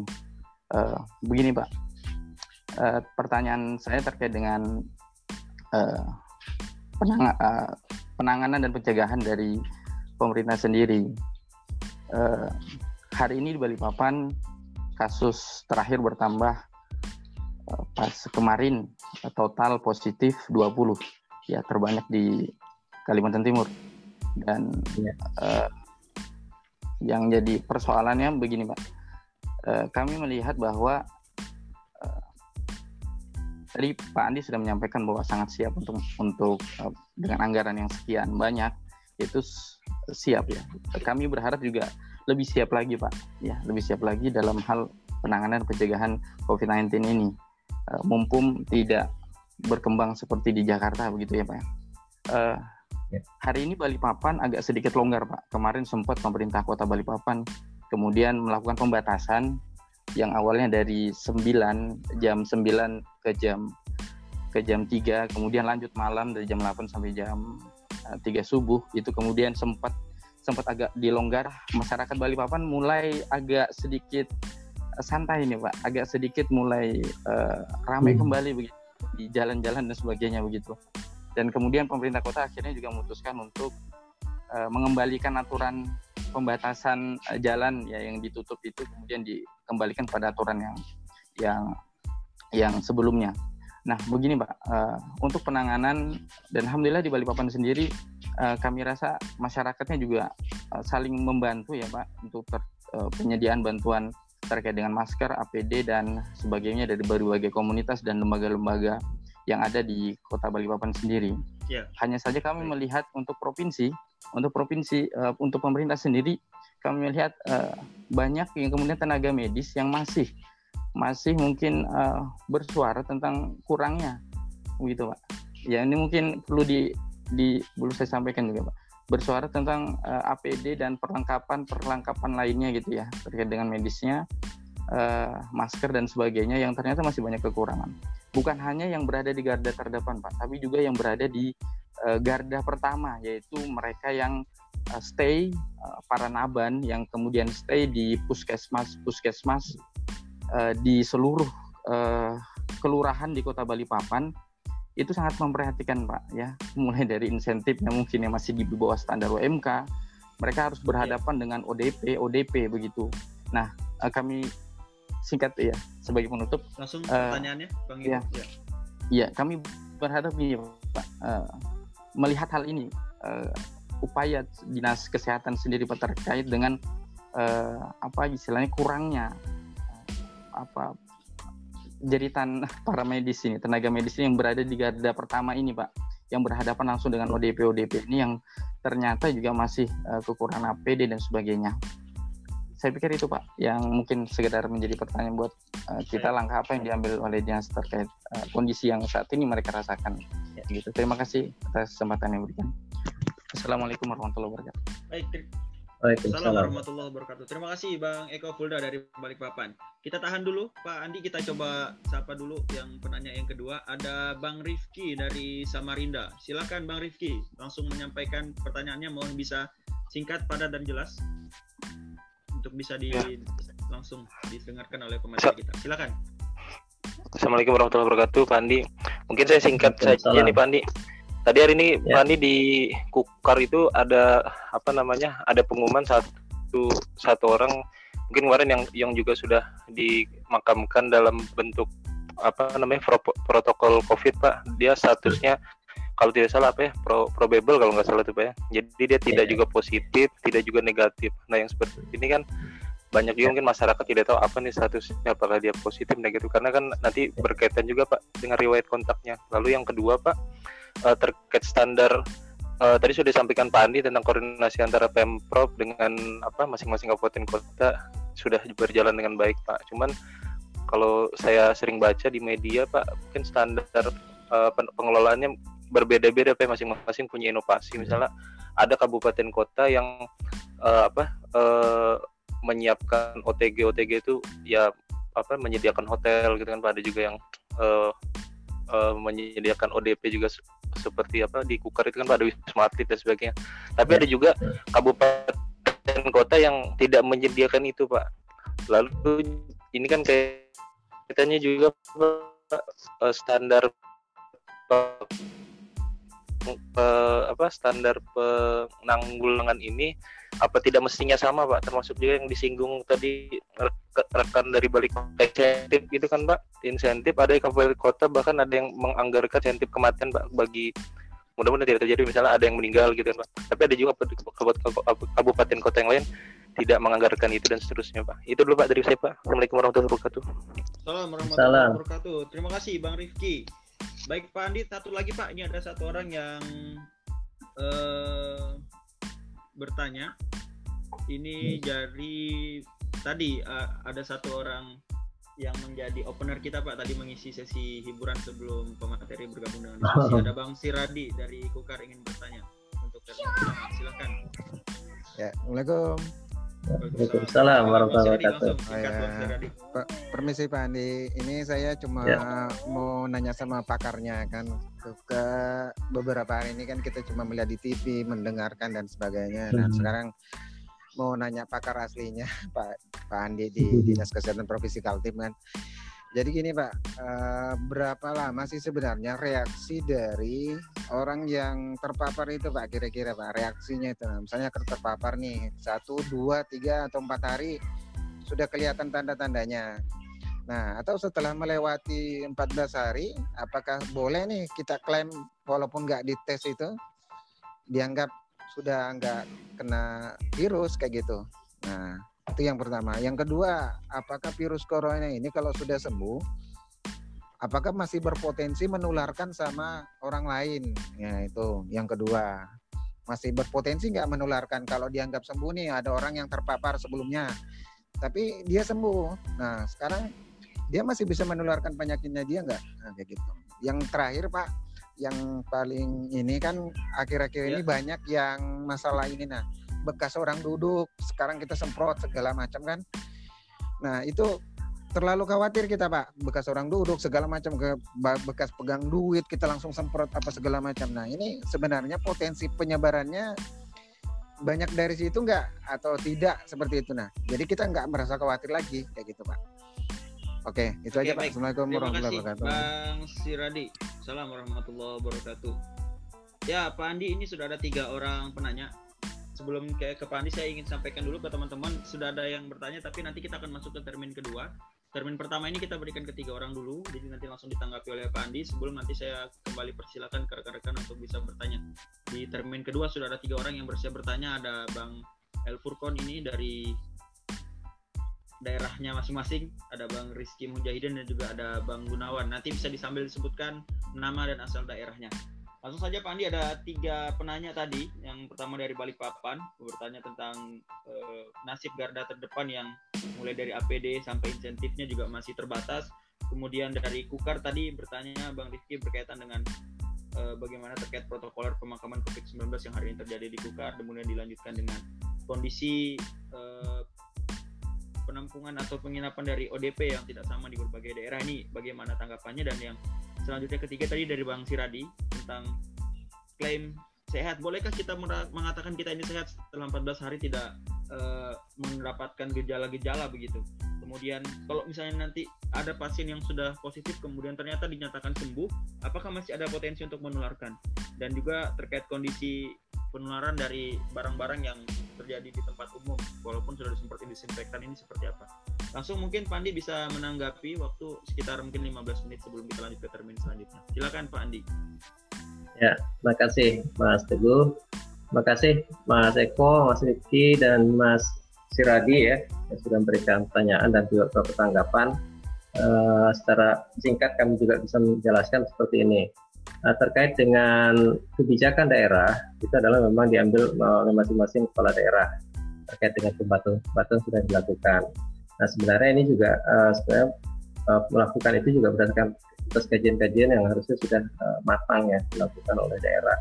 Nah, tentunya melihat dengan jumlah kasus baik itu ODP, PDP bahkan juga beberapa kasus-kasus yang terjadi uh, terutama untuk wilayah daerah yang memang sudah mengalami transmisi lokal memang sebagian besar kasus kita di Kalimantan Timur ini uh, banyaknya kasus kasus impor. Ya, artinya pelaku perjalanan dari luar, mereka mungkin terkena dari luar, nah, datang ke wilayah kita, akhirnya terkonfirmasi. Nah, untuk Balikpapan memang sudah ada beberapa terindikasi, ada 4 sampai 5 kasus kalau tidak salah sekarang itu sudah uh, terindikasi dia tertular uh, tanpa ada riwayat perjalanan dari mana-mana, tapi dia tidak uh, terkonfirmasi positif. Oleh karena itu uh, daerah uh, bisa meningkatkan sebenarnya upaya-upaya pencegahannya dalam samping itu juga uh, yang paling utama dilakukan adalah bagaimana bisa membatasi gerak gerak perpindahan orang. Karena selama masih leluasa perpindahan orang, maka semakin leluasa pula virus itu uh, berpindah ataupun bisa menaik pada yang lain. Nah, oleh karena itu memang sebenarnya upaya untuk pembatasan itu sebaiknya memang uh, tetap dilakukan. Bahkan semakin ketat seharusnya karena melihat dari perkembangan kasus yang ada, Balikpapan ini juga baik uh, selain yang terkonfirmasi, PDP-nya juga uh, paling besar, paling banyak. Bahkan yang ODP-nya juga seperti itu. Nah ini kan menandakan bahwa memang uh, gejalanya juga cukup besar di sana. Nah, kemudian terkait dengan uh, APD di lini terdepan, sebenarnya kami sudah mendistribusikan ya APD ini. Memang di awal-awal, di awal-awal kita memang sangat keterbatasan dengan APD. Uh, tapi sekarang kita sudah mendapatkan bantuan sebanyak 16.000 sebenarnya dari pusat. Dan itu sudah kita distribusikan ke kabupaten kota, ke rumah sakit dan juga ke dinas kesehatan. Nah, dinas kesehatan lah nanti yang akan mendistribusikan ke garda terdepan yang ada di puskesmas ataupun di sarana yang ada sesuai dengan kebutuhan. Jadi sebenarnya tinggal uh, bagaimana kesigapan nanti dinas kesehatan kabupaten kota untuk mendistribusikan atau memanfaatkan. APD yang sudah kita berikan dari provinsi ke ke daerah. Tinggal melihat kebutuhannya sebenarnya. Nah ini mekanismenya kan bisa saja mereka mendistribusikan atau menyiapkan mungkin apakah 5 atau 10 set di puskesmas karena puskesmas kan sifatnya dia tidak merawat dia hanya mendeteksi awal mengirim dan kemudian juga mungkin apakah mengirim atau mengantarkan kepada rumah sakit rujukan jika memang kebutuhan APD-nya juga tidak mesti harus menggunakan baju asmat jadi kalau di tingkat puskesmas sebenarnya cukup dengan menggunakan kacamata hijau atau face shield. Kayak apa namanya pelindung wajah itu yang dari plastik kemudian menggunakan masker masker bedah masker medis ataupun juga N95 kemudian sarung tangan atau handscoon nah, itu sebenarnya uh, APD-nya itu itu untuk di lini terdepan Jadi, kalaupun ada dan kami juga sebenarnya sudah mendistribusikan uh, cukup untuk kebutuhan juga di puskesmas untuk saat ini. Paling tidak untuk satu bulan ini masih bisa mencukupi. Dan kalaupun kurang kami masih ada stok di provinsi dan daerah bisa sebenarnya mengajukan permohonan untuk uh, permintaan dalam rangka untuk pemenuhan uh, untuk petugas-petugas kita di depan. Karena tentunya kami memang mengutamakan adalah bagaimana kesiapan dari alat pelindung diri dari tenaga medis kita yang terutama yang ada di lini terdepan. Nah terkait insentif. Sebenarnya begini, pemerintah pusat dia sudah mengalokasikan insentif untuk tenaga medis yang berikan pelayanan di garda terdepan atau pelayanan langsung kepada penderita COVID maupun yang PDP, baik itu di rumah sakit maupun di sarana uh, medis lain yang ada di depan. Nah, hanya memang sampai sekarang kita belum menerima jenis apakah nanti sampai kepada uh, lini terdepan yang ada di puskesmas ataukah sampai juga tidak hanya tenaga medis tapi tenaga lain semua yang terlibat Nah ini kami masih menunggu. Tapi kalau dari pernyataan Menteri Keuangan bahwa tenaga medis yang melayani atau yang ber, ber apa namanya yang bersentuhan dengan pelayanan COVID ini maka akan disiapkan uh, insentif untuk mereka. Seperti itu. Jadi uh, dan itu di dialokasikan dari dana dana pusat dari dana DAK non, non fisik yang biasa disebut dengan belanja operasional uh, kesehatan BOK dan nanti sifatnya akan ditambahkan dari pusat. Nah dana-dana ini juga diambilkan sebenarnya juga dari dana-dana kita yang dipotong yang sampai 50% ini yang dipotong semua dan itulah dipakai untuk uh, sebagian pembiayaan kesehatan dan kembali kepada uh, tenaga itu sendiri. Nah, kaitan dengan pertanyaan Mas Rifki ya, yang PDP ditukar, PDP ditukar yang meninggal dunia kemarin. Jadi setiap uh, mereka dinyatakan sebagai PDP, maka uh, protokol ataupun penata laksanaan baik itu pelayanan kesehatannya bahkan sampai kepada apabila uh, meninggal itu juga semua mengikuti protokol penanganan COVID ya karena kita mengedepankan kewaspadaan dan kehati-hatian uh, apa supaya jangan sampai siapa tahu nanti pas positif kita tidak menanganinya secara protokol COVID maka akan semakin banyak yang tertular sehingga kita sambil meskipun belum mendapatkan hasil dari lab maka protokol itu kita lakukan sesuai dengan uh, pelayanan COVID. Nah, dikatakan probable seperti ini sebenarnya. Jadi uh, PDP yang dari kita kemarin memang itu datang dalam kondisi yang sudah relatif berat karena ada penyakit komorbidnya. Ya komorbidnya juga sudah sangat berat kondisinya juga sudah berat. Nah, maka dilakukan cepat waktu itu ya. Di cepat dilakukan rapid test dulu pertama. Rapid test ternyata memang reaktif reaktif. Kemudian segera di swab. Nah memang pada saat pengambilan swab ini kondisi pasien sudah sangat uh, buruk.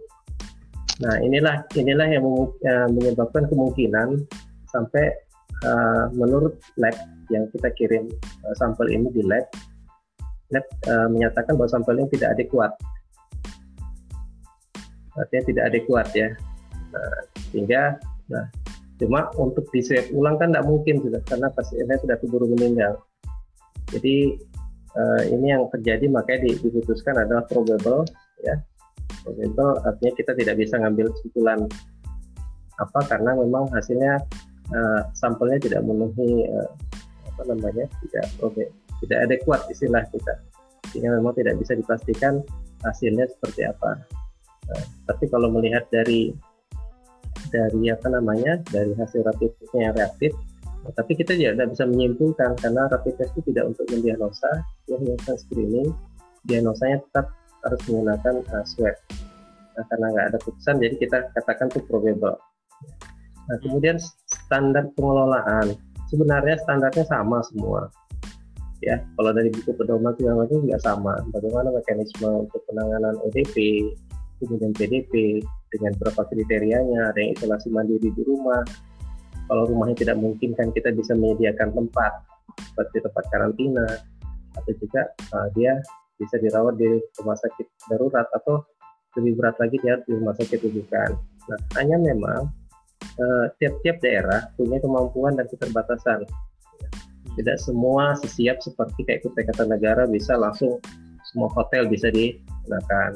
Nah sebenarnya ini kita juga sudah me menyampaikan dan mengingatkan untuk mereka menyiapkan juga tempat-tempat karantina seperti itu. Nah sebenarnya tiap kabupaten kota sudah menyiapkan, ya sudah menyiapkan, tapi memang tidak semuanya berupa hotel.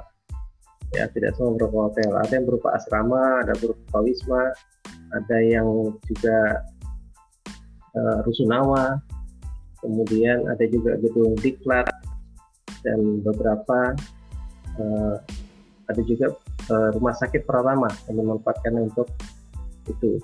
Nah, jadi uh, sebenarnya yang seru yang sama itu adalah uh, protokolnya sama, tapi wadahnya saja mungkin yang beda-beda. Nah, termasuk juga standar penanggulangan sebenarnya sama di, di apa namanya di pedoman. Hanya tinggal memang pelaksanaan tergantung dengan bagaimana inovasi dan juga uh, kemampuan dari daerah itu sendiri.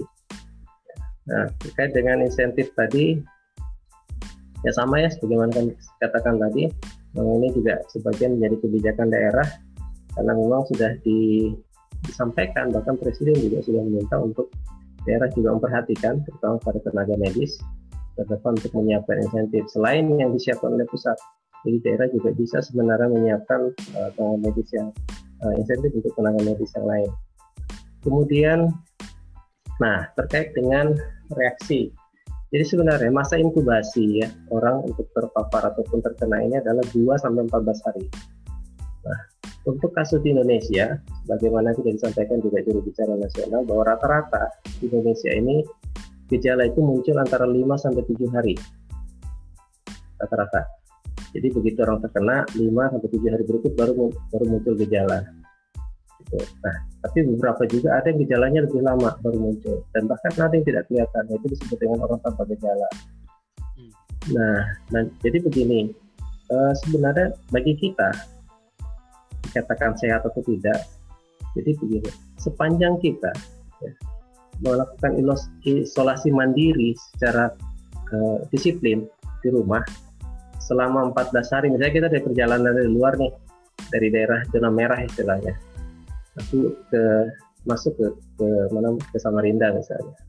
Nah, asal kita yakin bahwa kita melakukan isolasi mandiri selama 14 hari dan setelah itu selama itu kita tidak mengalami gejala, tidak ada muncul segala macam, tidak merasakan ada gejala berupa batuk, demam terutama demam, batuk, sakit tenggorokan dan sesak nafas, maka eh, kita bisa dikatakan bahwa kita sebenarnya tidak terpapar dengan virus itu.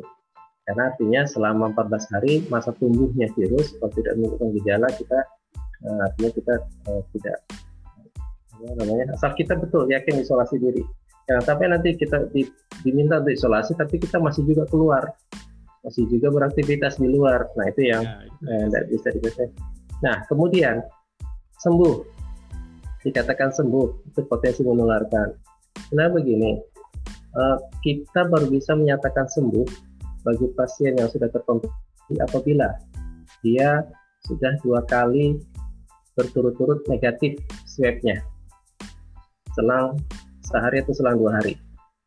Berarti memastikan bahwa kalau baru sekali sekali uh, dia negatif itu belum bisa kita katakan sembuh sebelum dia negatif yang kedua. Artinya memastikan bahwa benar-benar virus itu sudah tidak ada di dalam tubuhnya. Nah, dan dan sebenarnya uh, pasien yang sembuh uh, namanya sembuh artinya memastikan bahwa virusnya sudah tidak ada dalam tubuh seperti itu tandanya dengan dua kali hasil swab negatif. Karena berapa kejadian uh, seperti kasus yang Samarinda satu yang begitu lama karena memang dia sempat negatif sekali tapi swab berikutnya dia positif. Nah sehingga masih harus menunggu dua kali swab lagi yang negatif berturut-turut. Seperti itu. Jadi uh, potensi terjadi menularkannya memang beberapa beberapa apa, kasus sebagian kecil yang sudah terjadi di luar memang masih ada kemungkinan seperti itu. Ya bisa jadi. Tapi sebenarnya kalau melihat dari hasil uh, protokol untuk penetapan dia sembuh dari hasil dua kali swab dua kali negatif sebenarnya sudah memastikan bahwa yang bersangkutan memang sudah tidak ada virus ya. Tapi sebenarnya uh, untuk menjaga sebenarnya bisa kita lakukan dalam satu minggu setelah sembuh itu yang bersangkutan uh, tetap menjaga jarak dengan anggota keluarga atau dengan orang lain dan selalu menggunakan masker untuk memastikan bahwa memang kondisinya sudah uh, benar-benar uh. Nah, kemudian terkait dengan melakukan desinfektan. Jadi upaya untuk mengurangi kepadatan virus atau viral load itu adalah dengan bagaimana kita sesering mungkin untuk membersihkan sering mungkin untuk membersihkan daerah-daerah yang kemungkinan kita curigai banyak droplet, banyak uh, percikan, banyak uh, nah biasanya kan banyak percikan atau droplet dari ludah dari dah itu adalah daerah-daerah yang sering didatangi atau sering dikunjungi orang.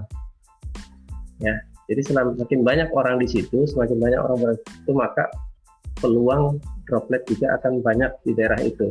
Nah sehingga untuk daerah-daerah yang tempat pertemuan orang banyak orang tempat banyak kerumunan orang itu harusnya semakin banyak dibersihkan. Misalnya di tempat ibadah biasanya lantai itu senantiasa untuk di, sering didesinfektan. Kemudian keran keran-keran air yang sering dipegang itu biasanya bagian lebih sering untuk dilap dengan uh, larutan desinfektan ataupun uh, sabun. Nah, kemudian gagang pintu itu kemungkinan juga tanpa sengaja pada saat berbicara atau batuk di depan gagang pintu bisa saja dropletnya menempel di pintu. Nah, gagang pintu ini paling sering dipegang pegangan pagar ataupun hal-hal lainnya. Nah, itulah yang sebenarnya harus harus selalu sering untuk dibersihkan supaya kalaupun ada melengket droplet di situ bisa segera untuk di, uh, di dimatikan dengan cara desinfektan. Nah, ya seperti itu sebenarnya. Kenapa upaya-upaya itu harus dilakukan? Nah, untuk bagaimana memaksimalkan supaya droplet yang tidak sengaja berada di tempat-tempat yang sering kita pegang itu bisa uh, berkurang uh, jumlahnya. Gitu. Baik, terima kasih Pak Andi atas jawabannya. Ya. Ini Alhamdulillah teman-teman masih berjumlah sekitar 40 Pak karena teman-teman sepertinya masih ingin memberikan beberapa pertanyaan. Hmm. Jadi kita buka termin yang kedua. Yeah. Mohon izin untuk bisa disampaikan oleh teman-teman yang lain. Yang pertama saya ke Bang El Furkon dulu dari Brau bisa menyampaikan pertanyaan mohon bisa disampaikan dengan singkat padat untuk bisa ditanggapi oleh pemateri nanti. Silakan Bang Furkon. Oke. Uh, Assalamualaikum warahmatullahi wabarakatuh. Waalaikumsalam warahmatullahi wabarakatuh. Ya, terima kasih untuk host dan untuk Pak Andi. Ini pertanyaan mudah apa tadi sudah dibahas belum? Saya belum pas waktu gabung agak telat ini. Yang pertanyaan adalah untuk mengetahui hasil swab test itu apakah bisa dilakukan di RS AWS Pak? Gitu. E, kalau itu memang sudah tadi sudah dibahas, mungkin pertanyaan ini. E, yang kedua, seandainya sudah dibahas, kalau belum salah satu aja nanti di, dijawab. Sebagai orang yang ahli di bidangnya, Pak Andi, menurut Pak Andi sendiri melihat kondisi Kaltim ini kira-kira di bulan Mei ini itu ada tren naik atau turun untuk di Kaltim. Setelah pastinya koordinasi dengan dengan kabupaten dan instansi-instansi yang ada di uh, kota lain. Itu aja. Kita uh, ya. itu yang pertanyaan dari saya. Terima kasih. Mohon maaf. Assalamualaikum warahmatullahi wabarakatuh. Salam warahmatullahi wabarakatuh. Terima kasih Bang Furkon dari Bro. Mungkin ditahan dulu Pandi, kita masih ada satu orang penanya lagi. Ada dua orang penanya lagi untuk termin yang kedua ini. Langsung ke Bang Rizky Mujahidin. Ini salah seorang putra Kaltim yang sedang berada di Bandung tampaknya kabarnya hari ini. Silakan Bang Rizky Mujahidin bisa menyampaikan pertanyaannya. Ya, terima kasih. Bismillahirrahmanirrahim. Uh... Suaranya mohon bisa di unmute.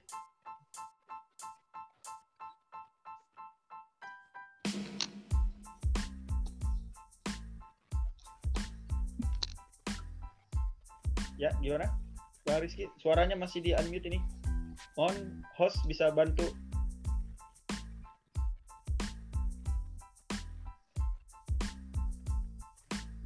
Halo?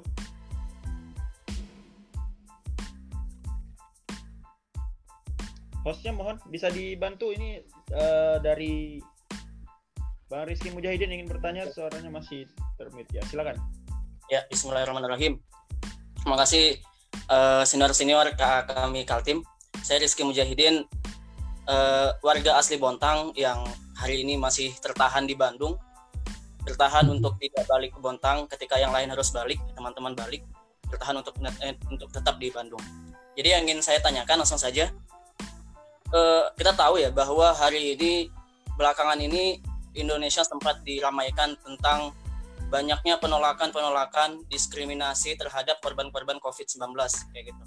Dan pemerintah pusat juga sudah memberikan himbauan kepada warga agar kemudian tidak memberikan diskriminasi yang berlebihan kayak gitu. Positifnya sih bagus mereka jadi jaga jaga jarak tapi ternyata jaga jarak yang berlebihan sampai mengusir dan sebagainya. Sampai ada beritanya perawat diusir dari kontrakannya kayak gitu. Karena khawatir menyebarkan virus COVID-19 ini. Nah, yang ingin saya tanyakan, bagaimana peran pemerintah Kaltim terutama e, menyikapi hal ini kayak gitu? Apakah hanya sekedar himbauan atau ada langkah-langkah khusus yang disam agar agar me, menyentuh eh, kalangan-kalangan di seluruh lapisan masyarakat kayak gitu. Karena ini juga cukup penting ya karena kita tahu bahwa COVID-19 bukan menyentuh dimensi kesehatan aja gitu, tapi juga menyentuh dimensi sosial dan dan ekonomi dan ini efek dari dimensi sosial yang menurut saya kurang baik kayak gitu. Nah, itu saja sih bagaimana kemudian peran pemerintah Kaltim terutama uh, mengatasi diskriminasi diskriminasi diskriminasi berlebihan terhadap korban COVID-19. Terus satu lagi bang, satu lagi. Uh, tadi kan juga disampaikan ya bahwa uh, di, di beberapa daerah udah ada uh, pengecekan gitu setiap orang yang ingin keluar masuk daerah tersebut. Nah yang perlu diperhatikan juga menurut saya sepertinya ini sekalian nanya sih apakah di daerah-daerah itu para petugas aparat yang kemudian berjaga mengecek juga dapat jaminan dapat un untuk di untuk melakukan uh, tes COVID-19 ya gitu karena bisa jadi ternyata yang menyebarkan bukan dari uh, ini bisa jadi ya bisa jadi ternyata uh, petugas yang kemudian berjaga juga tertular kan bisa jadi nah itu bagaimana okay, apakah baik. ada prioritas khusus untuk untuk mengetes para penjaga-penjaga yang ada di pintu-pintu masuk terima kasih bang baik terima kasih bang Rizky Mujahidin ini menyampaikan terkait beberapa hal. Ya, untuk termin kedua ini langsung ke Bang Gunawan yang ada di Samarinda. Silakan Bang Gunawan bisa menyampaikan pertanyaannya. Uh, Assalamualaikum warahmatullahi wabarakatuh. Assalamualaikum warahmatullahi wabarakatuh. Mungkin saya singkat. Uh, yang pertama, uh, tadi mungkin juga sudah dijelaskan di awal tentang uh, apa kalau kita lihat skenario-skenario yang apa yang dibuat para ilmuwan misalnya tentang ini ya uh, misalnya kita ngambil misalnya kondisi terburuk gitu kan seperti itu bahwa puncak pandeminya akan sekian gitu seperti itu. Tapi saya ulangi lagi seberapa kuat tadi apa kemampuan rumah sakit kita misalnya jika itu terjadi misalnya kayak di Italia atau Amerika seperti itu. Misalnya rumah sakit terutama rumah sakit rujukan ketika uh, karena kan nanti saya melihat misalnya tentang ventilator misalnya misalnya di rumah sakit AWS itu ventilator itu misalnya ada berapa misalnya kayak gitu. Uh, karena kan tentang pernapasan jadi itu hal yang penting. Itu perlu juga di apa di dan dikasih ke masyarakat tentang itu supaya oh, ketika ini terjadi uh, masyarakat itu oh bahwa dia akan mendapatkan uh, pelayanan yang baik ya seperti itu. Dengan fasilitas yang ini kak yang bagus seperti itu. Karena kan kita di Indonesia ini kan hanya memperlakukan PSBB gitu seperti itu. Artinya kemungkinan-kemungkinan yang terjadi terhadap penyebaran COVID itu masih apa kemungkinan itu akan ada gitu kan seperti itu. Nah, itu yang pertama. Kemudian yang kedua, uh, karena kita juga dalam memperlakukan hanya PSBB, uh, kalau kita lihat kasusnya misalnya kayak di Korea Selatan, kemudian seperti itu, dia tidak memperlakukan karantina ataupun kayak lockdown, maka yang dilakukan itu adalah uh, apa tes massal, tes massal uh, swabnya itu secara massal, di, dibuka secara umum. Nah, kendalanya kita di Indonesia kan nah itu bahwa kita sangat terkendala. Kita baru sekarang mungkin saya lihat di apa uh, metriknya apa tadi? Tesnya kita hanya baru sekitar berapa? 30 ribuan. Enggak di negara lain tes yang 30 ribuan itu dilakukan sehari gitu seperti itu hanya sehari untuk mengetes uh, manusia itu sebanyak 30 ribu ini seperti itu sehingga kita tadi itu akan uh, ya kesulitan misalnya mendeteksi orang-orang yang uh, apa okay. yang terkena itu seperti itu. Misalnya kan kita tidak menutup Baik. lalu lintas di luar dalam gitu seperti itu. Maka yang memang solusinya adalah tes ini. Nah, cuman kita terkendala dengan itu. Kendalanya kan itu. Nah, ini uh, saya lihat di berita kan kita akan diaktifkan dua lab untuk lab itu. Itu itu seberapa besar kemampuannya? Apa kemudian apakah nanti seperti labnya kayak di negara lain yang bisa mobile? Apakah di kita di Kaltim itu memungkinkan nggak seperti itu?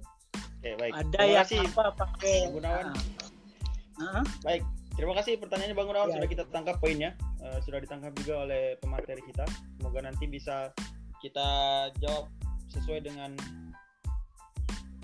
pertanyaan-pertanyaan yang lain juga yang juga akan ditanggapi Baik, silakan Pak Andi. Ini ada tiga orang penanya. Baik, langsung saja bisa ditanggapi apa yang sudah ditanyakan oleh rekan-rekan yang lain. Silakan Pak Andi. Ya, baik. Uh, terima kasih, uh, Mas Teguh. Jadi dari pertanyaan Mas Furkon, jadi apakah AWS bisa melakukan tes web? Jadi sebagaimana sudah kami sampaikan juga bahwa uh, Kementerian Kesehatan sedang mengupayakan untuk memperbanyak ya memperbanyak kemampuan daerah untuk bisa melakukan tes uh, eh, PCR artinya tes uh, tes uh, yang bisa diketahui secara cepat dan secara langsung. Nah, ada dua sebagaimana kami sampaikan tadi sebenarnya di di uh, AWS, tidak hanya AWS sebenarnya uh, itu sudah disiapkan tes cepat molekuler. Dan yang, yang menjadi persoalan adalah mendatangkan cartridge ini yang menjadi bermasalah karena cartridge ini dibutuhkan seluruh dunia. Ya jadi sehingga memang Indonesia juga harus uh, bagaimana memperjuangkan untuk mendapatkan itu. Nah kemudian dari yang ada memang uh, tidak bisa semua TCM yang ada di Kalimantan Timur dalam tahap pertama ini bisa langsung difungsikan jadi untuk tahap pertama ada tujuh uh, rencananya sudah di, di apa namanya direncanakan oleh kementerian dan mudah-mudahan akhir April ini sudah bisa uh, operasional ya dengan itu nah hanya persoalan untuk TCM tes cepat molekuler ini uh, uh, akurasinya sama dengan PCR, tapi jumlah sampel yang bisa diperiksakan itu terbat tidak sebanyak dengan PCR. Jadi dia uh, berdasarkan satu alat itu yang kita yang kita punya adalah alat yang empat modul. Nah, tapi empat modul ini tidak semua modul juga akan digunakan untuk COVID karena ini kan sebenarnya alat untuk menguji uh, tuberkulosis. Jadi tetap ada juga beberapa modul digunakan juga untuk uh, tuberkulosis. Nah, Kemudian yang terkait dengan PCR di AWS memang ya, sudah ada sebenarnya alat ini, ya, sudah lama ada, tapi digunakan ini adalah untuk pengujian HIV. Nah ini juga yang akan dikembangkan oleh Kementerian Kesehatan dengan men-setup uh, untuk bisa difungsikan untuk menguji juga COVID. Nah, yang jadi persoalan juga adalah bagaimana penyiapan reagen. Nah, ini juga karena reagen ini dibutuhkan seluruh dunia. Nah, kemarin kalau kita melihat dari angka Kalimantan Timur, kenapa empat hari itu begitu tenang, tidak ada penambahan dan tidak ada juga ini, karena memang secara nasional kita kekurangan reagen, boleh dikatakan habis malah.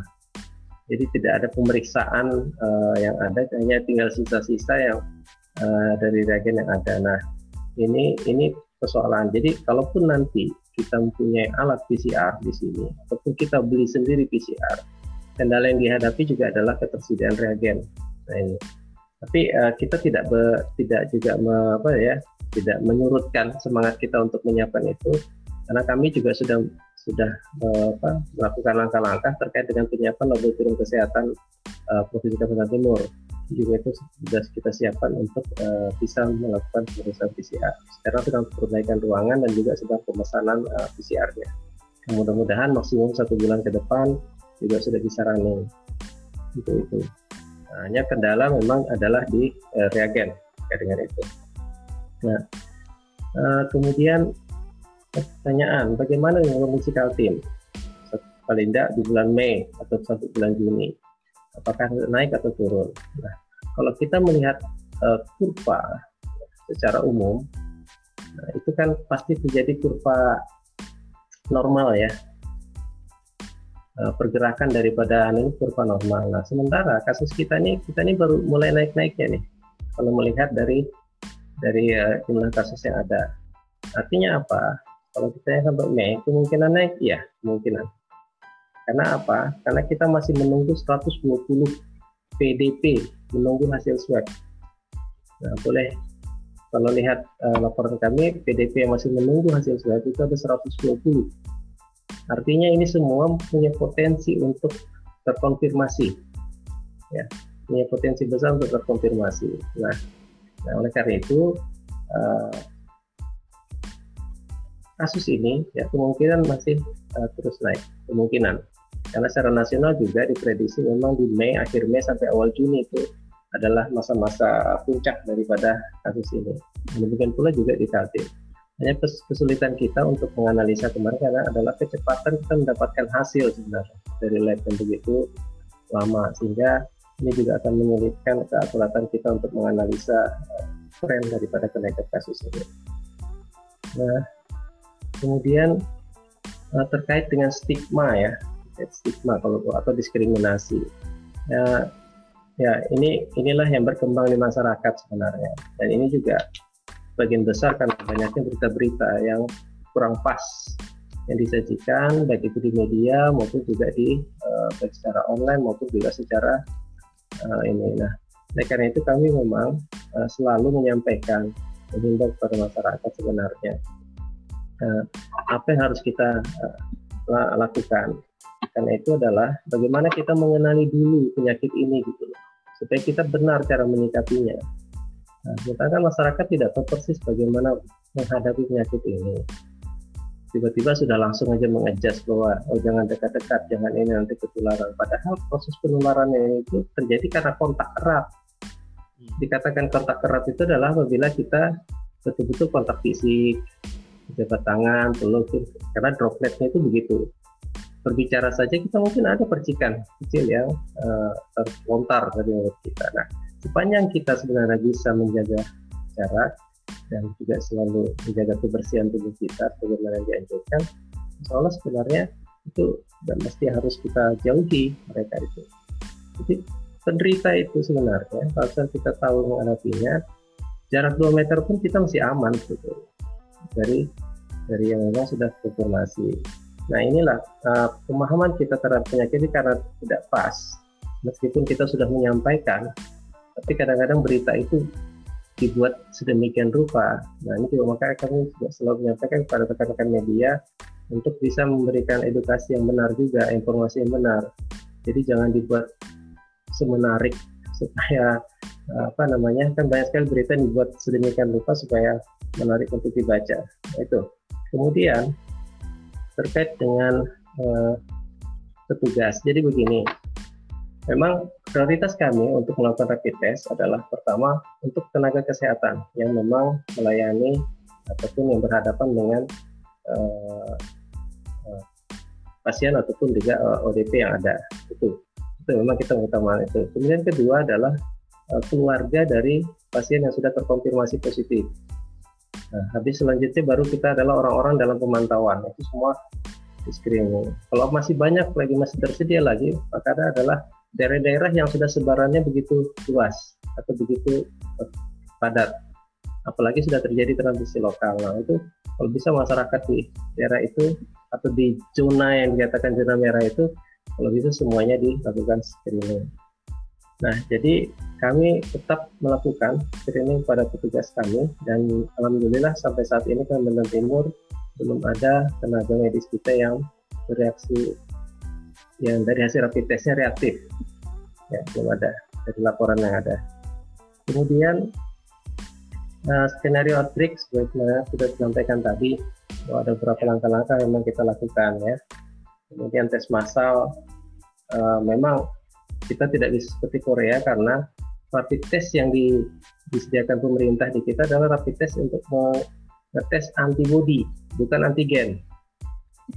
Jadi antibody kalau yang rapid test yang disiapkan oleh eh, kalau seperti Korea itu adalah rapid test PCR ya.